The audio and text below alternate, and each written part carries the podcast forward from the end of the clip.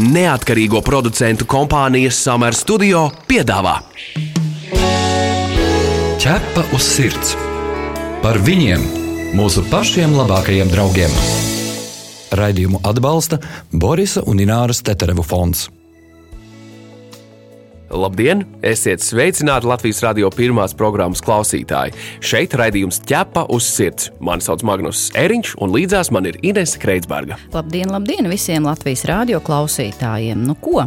Piekdiena atkal klāt, Magnus. Jā, varētu teikt, ka jāsāk svinēt, bet, bet, bet, bet pirms tam, kad sākam svinēt brīvdienu atnākšanu, mums kārtējo reizi ir kārtīgi jāparunā par to, kas šodien aktuāls raidījumā ķēpa uz sirds. Jā, un mēs tādu, tādu mītu un stereotipu atmaskotāji pēdējā laikā esam. Tam, tam, tam.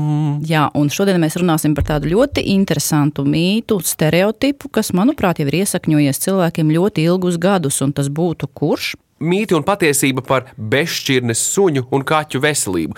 Redz, ir dzirdēts, ka šķirnes, kaķi un suņi lūk, esot jutīgāki un trauslāki, bet bezšķirnes ar dzelzs veselību. Jā, un arī par ēšanas lietām runājot, saka, ka, nu, ka bezšķirnes suns, nu, jau nav izvēlīgs, ēd visu, mm -hmm. bet, un kvalitāte nav tik svarīga, bet lūk, šķirnes sunim vai kaķim tam jau ir īpaši jāpiedomā par ēdienu.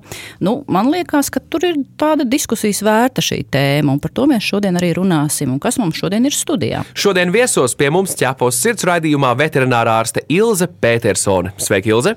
Labdien! Ilze ir specializējusies arī pareiza un veselīga uztura konsultēšanā mājdzīvniekiem. Bet pirms sākam mūsu diskusiju, noklausīsimies mūsu kolēģis Janas Vītoliņas sagatavoto sižetu. Ķepos sirds skaidro faktus. Pavāre un konditore Liene Zemīte savulaik ir bijusi saimniece samojedu šķirnes sunim. Tagadējais ģimenes mīlulis ir adoptēts no patversmes. Arī Liene ir dzirdējusi dažādas atziņas par to, ka ar bezšķirnes suņiem nav tik lielu problēmu, jo viņu veselība esot stiprāka nekā tīrasiņu suņiem. Tomēr, ņemot vērā savu pieredzi, Liene līdz galam apgalvojumam nepiekrīt vienīgā atšķirība, ko es varu teikt un novērot, ka nu, man šķirnes suns noteikti nē, tik daudz, cik vēlās ēst bezšķirnes suns, bet tas droši vien arī ļoti, ļoti atkarīgs, kāda ir bijusi viņa bērnība, kur viņš ir audzis. Un kā pret viņu ir tā ģimene attiekusies, ja pieņemsim, viņš ir bijis kaut kādā pusbadā vai patversmē dzīvojot, tur ir cīnījies par savu ēdienu, tad, nu, droši vien tas ir saprotams un izskaidrojams, kāpēc viņš visu laiku gribēs arī tagad. Uh, Bet sugas suns viņš tā, viņš pat brīžiem, ja viņam uzlika to porciju, viņš pat viņu neapēda visu.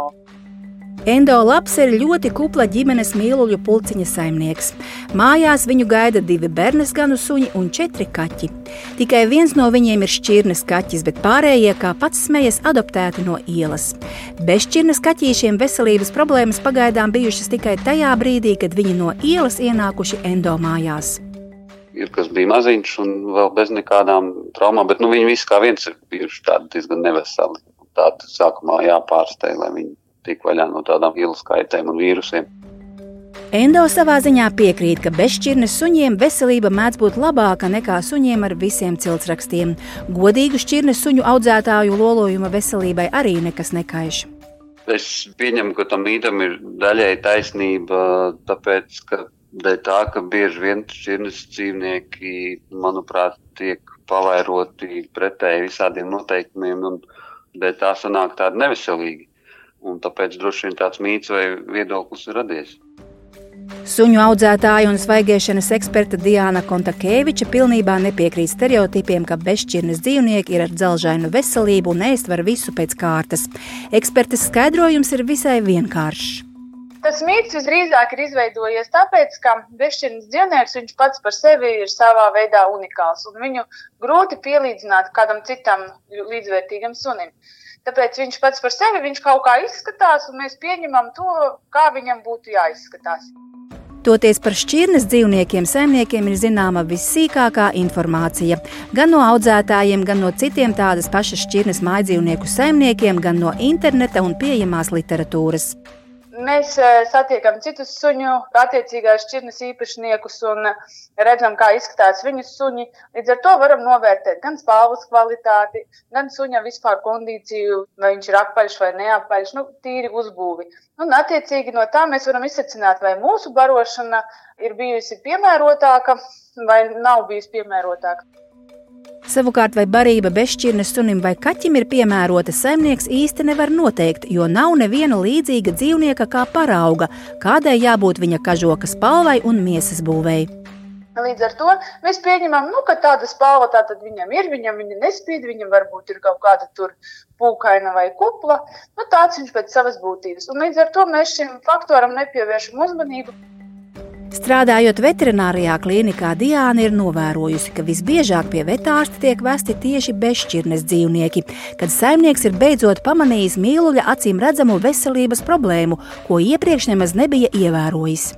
Šķirnes suņi biežāk nāk uz kaut kādām obligātām pārbaudēm vai pie kaut kādiem sīkumiem, pievērš uzmanību vairāk pretparazītu līdzekļiem un vispār kopējai veselībai. Tad bezšķirnes suņi ierodās biežāk, bet ar daudz smagākām vainām, kas jau ir vairāk ielaistas, un to ārstēšana pat maksā dārgāk. Diana visiem šķirnes un bezšķirnes mīluļu saimniekiem atgādina, jebkura mājdzīvnieka spalvai, vienalga gludai, garai, īsai vai čirkainai, jābūt kvalitatīvai, skaistai un spīdīgai.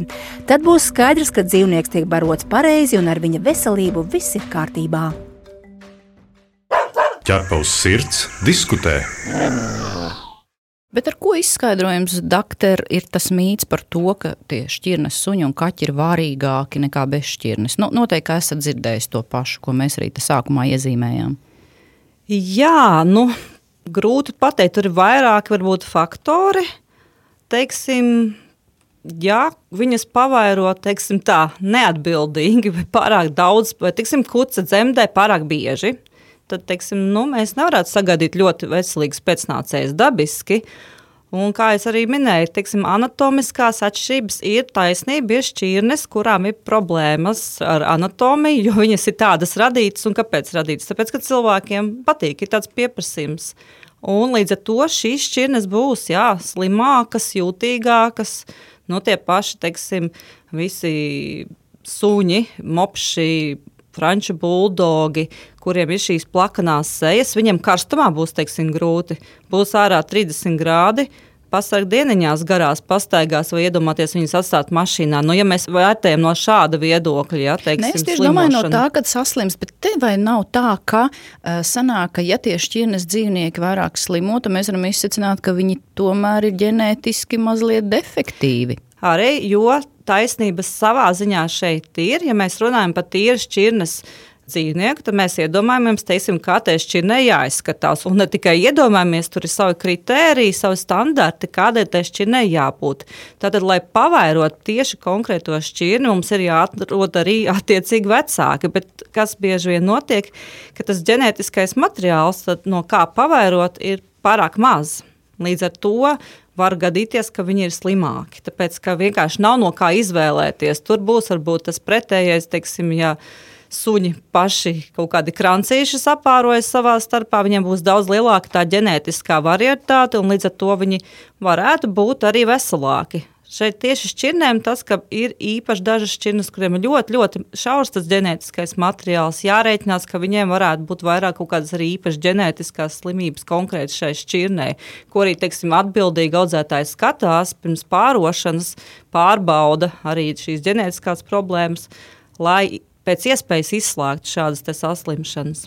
Bet vai nav tā, ka, nu, piemēram, tiem krancīšiem iespējams tās mazākās problēmas ir tāpēc, ka viņš ir tāds viens eksemplārs un tas saimnieks īsti nezina, kā viņam būtu ideāli jāizskatās, un tāpēc rodās maldīgais priekšstats, ka viņam viss ir kārtībā arī tiesa, jo neviens jau nezina, kā viņam būtu jāizskatās. Īpaši nevar saprast, kas tur bijis, kas ir bijis tēvs un māte. Viņam taisnība bieži vien varbūt vienkārši cilvēki pat neievēro, ka viņam kaut kāda problēma ir iespējams, bet to vienkārši nevar tā uzreiz saprast.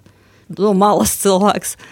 Ilze, sakiet, eh, cik bieži vispār pie eh, vetārsta vēršas saimnieki, kuriem nu, ir interese par uh, pareizu uzturu un kādos gadījumos? O, šobrīd nāk ļoti daudz. Es teiktu, šobrīd tas ir katru nedēļu, kāds man atnāk vizītē par šo jautājumu. Ļoti bieži nāk kucēnu saimnieki, kas man iepriecē arī pat kaķēnu, jo viņi grib jau sākt pareizi to savu mīlu barot.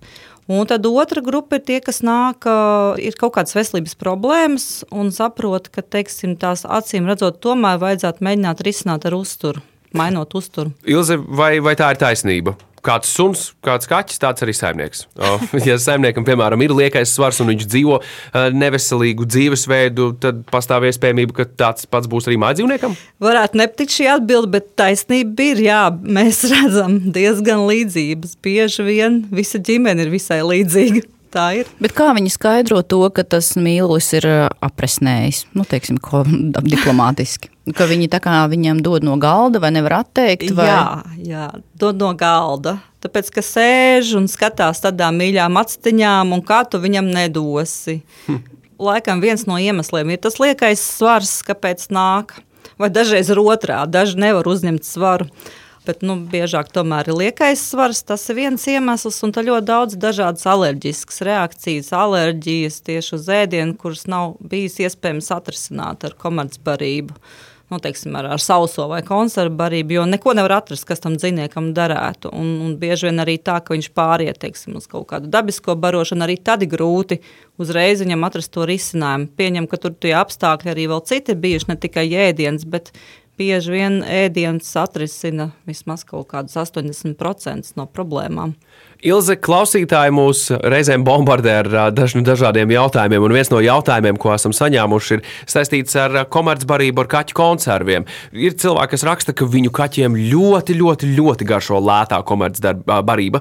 Es nesaukšu nosaukumā, bet nu, tā ļoti lētā gala. Nu, viņš tā kā traks uz to smaržu, tas dzīvnieks ir. Un vai jūs varat pateikt, kāpēc dzīvnieks tā reaģē un kāpēc nevajadzētu aizrauties ar šīs barības došanu? Analoģija līdzīga kā mums ikdienā ikdienā mums čipsi patīk, vai ne? Bet tie nav veselīgi un tos mēs katru dienu nēdam. Nu, tieši tā, tas ir tas pats, kas ar čipsu paku, jo tām lētajām gala konserviem ir klāta garšas un smaržas pastiprinātāji. Viņi būtībā dzīvnieki kļūst atkarīgi no tā. Un, jā, ir pats prastākais kaut kāds koncerts, un viņš pilnīgi traks paliek un neko citu negribēs, jo viņš ir pieredzējis pie tās smaržas, īpaši uz to smaržu, un arī garša kaut kādā apmērā, un viss. Un...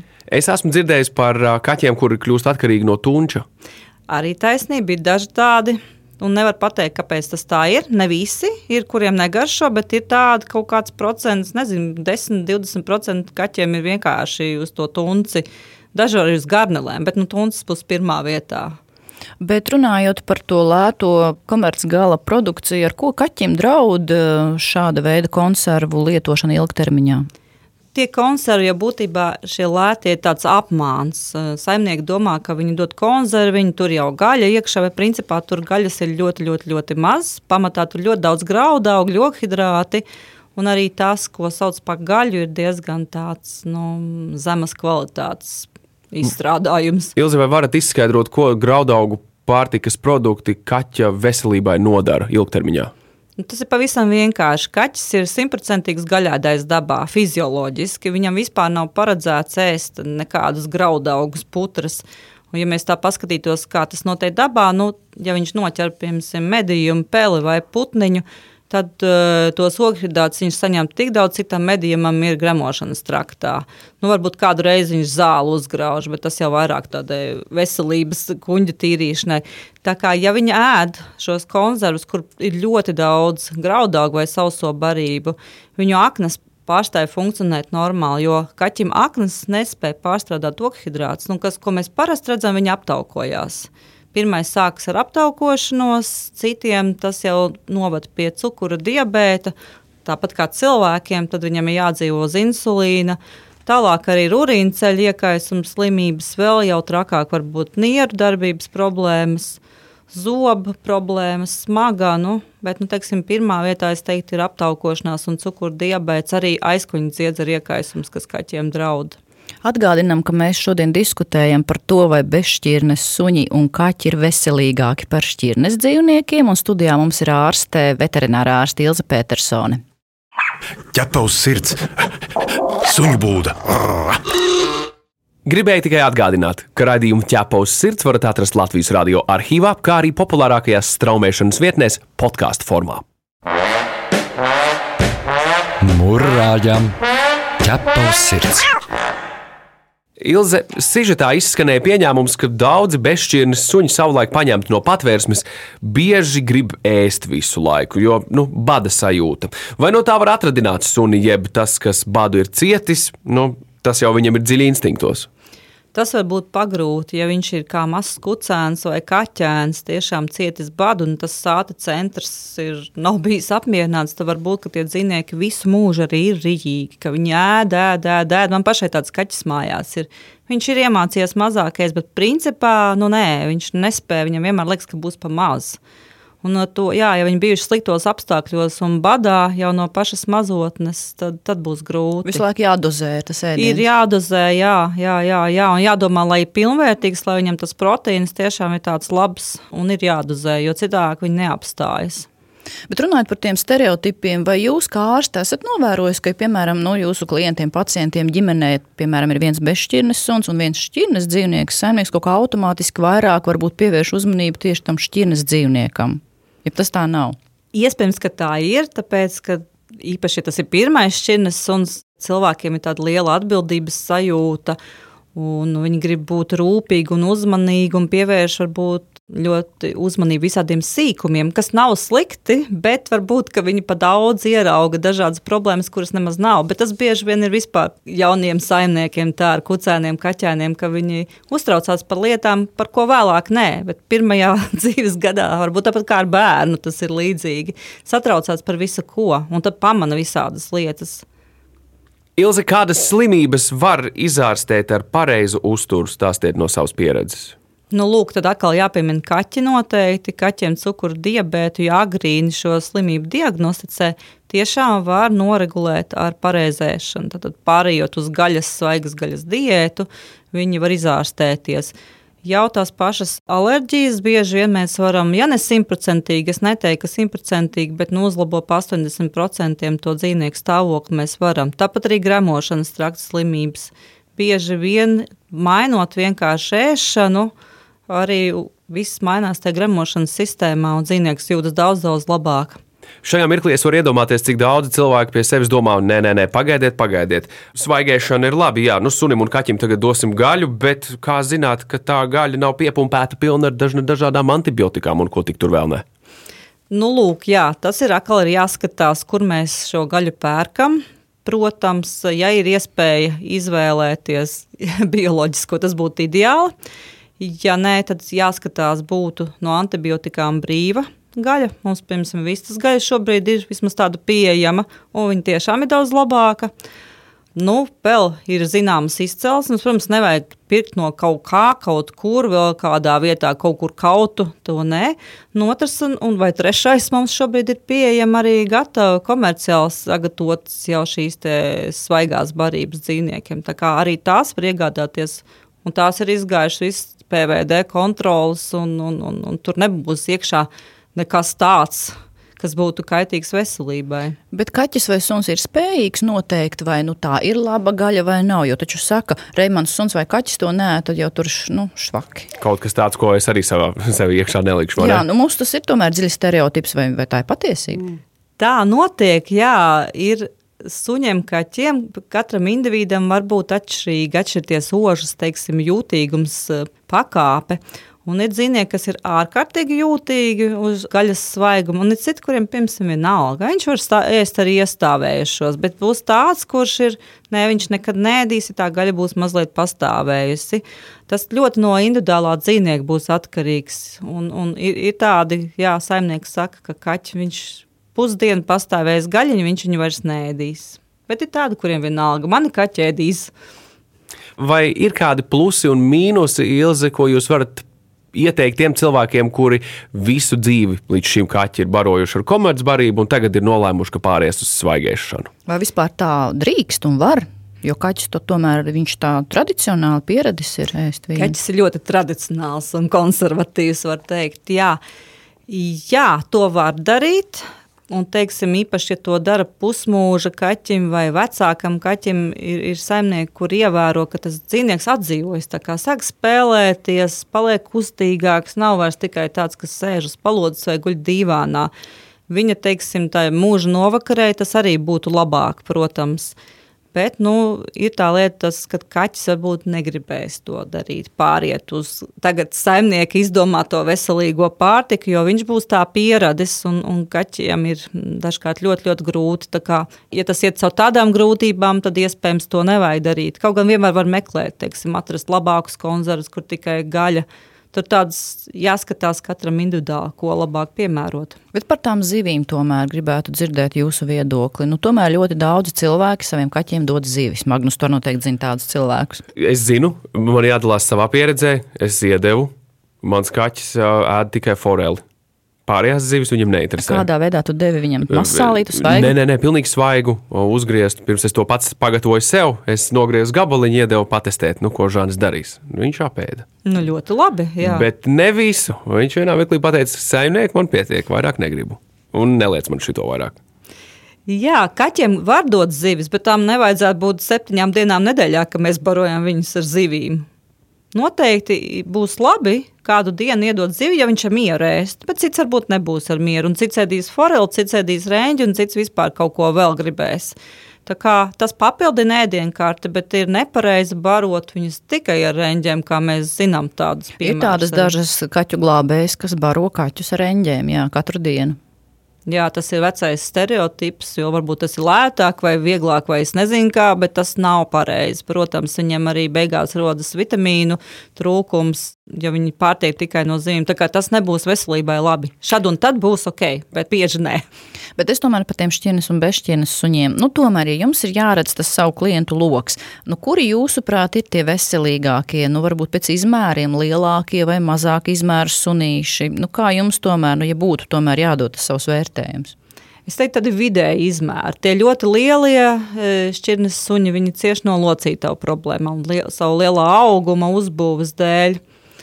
Jā, vidējie suņi, viņi tā kā vidēji auguma suņi, es teiktu, ka viņi ir kompaktāki un viņi, manuprāt, ir veselīgāki. Bet nu, tas, protams, diezgan liels tāds vispārinājums. Arī mazie, teiksim, dekoratīvie šķirnu sunīši ir, kas ir ļoti veselīgi arī šķirņu ir tik ļoti daudz, ka patiesībā tādas lielas vispārnējumus mēs acīm redzot nevaram izdarīt. Tad tur ļoti būtu jāskatās, jārunā par katru šķirni, bet tas jau ir cits un garš stāsts. Bet jūs tātad nevarat apstiprināt to, ka nu, tas mīts atbilst patiesībai, ka šie bešķirnes suņi un kaķi ir veselīgāki, spēcīgāki salīdzinājumā ar šķirnes dzīvniekiem. Nebūtu, nē. Jo tad, kad viņus atvada arī šos bezšķiņas eh, dzīvniekus pie ārsta, mēs bieži vien redzam visas tādas ielaistas un nepamanītas problēmas, ko eh, īpašnieks nav atpazinis. Piemēram? Nu, kaut vai tās pašas locītavu problēmas, kur viņam arī nabagam varbūt ir salikušies gēni no vecākiem tā, ka viņš izrādās visu mūžu cieš no gūža displāzijas klibuma. Tas nemaz nebūtu nav labi. Uh, vai teiksim, tāpat iedzimtas kaut kādas ausu problēmas, šauri ausu kanāli, kroniska ausu iekaisuma līdz ar to izveidojās. Visvisādas lietas, ko vienkārši cilvēks tiešām uzreiz tā nepamana. Tikai tad, kad tas dzīvnieks jau nu, vairs nevar funkcionēt labi, ka viņam ir grūtības, problēmas rodas, tad viņi atnāk un saprot, ah, tā jau bija ilgi, bet tikai nezinājām. Ilzi, kam jāpievērš uzmanība šādos gadījumos? Saimnieks uh, skatās uz savu dzīvnieku, domā, ka viņam viss ir kārtībā, bet jūs teicāt, piemēram, asins diabēta gadījumā, ja saulēcīgi ir šī problēma pamanīta un to risina, tad viss ir kārtībā. Kas ir šie signāli, ko dzīvnieks var sūtīt šādos gadījumos, kam jāpievērš uzmanība? Nu, jāskatās, teiksim, cik viņš ir aktīvs. Ja viņš ir bijis aktīvs visu laiku, vai viņš nepaliek lēns, tas būs pirmais. Teiksim, Vai nav tā, ka viņš ir sācis tikai gulēt un īsti pastaigāt negrib, vai teiksim, pēc pastaigas viņš ir tāds saguris vai klibo, vai pēc pastaigas auso ļoti. Vēl viens rādītājs, cik dzīvnieks daudz dzer. Vai viņš nav sācis vairāk gadījumā dzert, tas būs īpaši pie cukurdibēta, bet arī pie citām slimībām, un arī līdz ar to vairāk čurāt. Kaķim, teiksim, kaste pilna nepagūst iztīrīt, suns jāvada ārā. Tad arī, teiksim, Var kādreiz redzēt, tas nu, it kā mīts, bet ir taisnība. Tomēr kā apmetums paliek, tas kažoks paliek nespodrāks taisnība. Jā, tāds lēkšķains, varbūt pat blaugsnes parādās, jo veselīgs suns viņš spīd. Ir šķirnes, varbūt dažiem izņēmumiem, kuram tas kažoks citāds, bet veselīgs suns spīdēs. Kaķim arī būs skaists tāds gluds kažoks. Visur kopā - ķepus sirds. Kā mēs varam motivēt savus kaķus vairāk dzert ūdeni? Es esmu dzirdējusi, ka kaķi īsti negrib dzert ūdeni, ja tas atrodas blakus barības traukam. Kāpēc? Jo atkal viņi grib tīru un svaigu. Viņiem patīk. Bieži vien tekošs ūdens daudziem patīk labāk nekā sastāvējies. Dažkārt palīdz tas, ka teiksim, bļodiņas izvieto vairākās vietās. Un taisnība ne blakus barības traukam, jo tas nepatiks. Un arī ne tūmā pasēdieniņās kastītē, kur viņi iet, kārtoties. Un vēl viena lieta, kā jāatcerās, ka kaķis fizioloģiski maz dzer, no kurienes viņš izcēlies, ir no, no Āfrikas, no tūkstošiem. Viņam fizioloģiski vispār dabā ir ļoti maz dzert, jo viņš, teiksim, ēdot, uzņemt ūdeni no tā savu medījumu, ja viņš ķertu. Un līdz ar to tas viņam ir palicis apakšā, ka viņš maz dzer, bet ēdot sauso barību, viņš līdz ar to pamazs uzņem. Līdz ar to jā, jāmēģina kaut kur to ūdeni sagādāt tā, lai tas ir svaigs, lai tas viņam rada interesi. Tekošs ūdens arī rada interesi. Kaut kāda cita lieka, pat strūklaciņas, visādas tādas pieejamas. Tā kā jāpaspēlējās, kā nu kuram kaķim. Nu jā, mūsu glāzes viņiem patīk, taču kaķi dzer no vāzēm, un kur tik viņi neiet, vai ne? Jā, viņi izvēlās visas tādas īpatnējas uh, vietas, no kā padzerties. Un noteikti saimnieka glāze vai krūze arī ir labāka, jo viņam interesē, ko mēs tur ēdam un dzeram. Tas ir fakts. Vai esat novērojuši to, ka jūsu kaķi ar lielu interesi nu, pēc dušas apmeklējuma dodas iekšā dušā un grib izlakt dušas ūdeni? Jā, tas tā ir starp citu. Kāpēc tas ir? Jā, pat laizas sienas. Jā, jā, jā, tas arī redzēts. Ko tas nozīmē? Es pieņemu, ka viņi sajūt to smaržu, varbūt tekošam ūdenim, varbūt tas skābeklis ir bagātinātāks, tas ūdens, ka viņš kaut ko sauž, to, ko mēs nespējam saprast. Katrs izklaidējis kā prot. Bet uh, mūsu raidījuma noslēgumā gribēju tādu, tādu jauku notikumu padalīties. Mums tikko noslēdzās ķepos sirds senioru konkurss. Mēs vairāku mēnešu garumā noteicām vecākos suni un kaķi Latvijā. Par uzvarētājiem kronējām divus kaķus, kuriem šogad paliek 22 gadi. Un par suni vecāko kronējām Bešķirnes suni Uno, interbusuļa suni, kuram šogad paliks 20 gadi. Un kas tagad ir interesanti? Tātad senioru konkurencē uzvarējuši ir Bešķirnes dzīvnieki. Taču? Ka, taču? Topā bija arī mazie sunīši. Yorkshīras toiterjers? Jā, tie tā kā mums bija top 2, 3 vietā.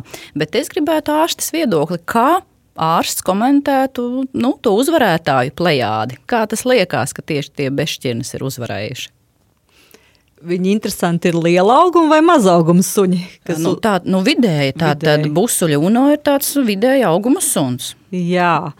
Nu, vidējie un mazie vienmēr dzīvos ilgāk. Vienalga vai šķirnes vai bezšķirnes, jo teiksim, lielajiem, tiem milzaņiem, viņiem būs dzīves ilgums īsāks. Kaķi ir ilgdzīvotāji, pat pie labas veselības kaķim tiešām dzīvot pār 20 gadiem ir ļoti, ļoti sagaidāms.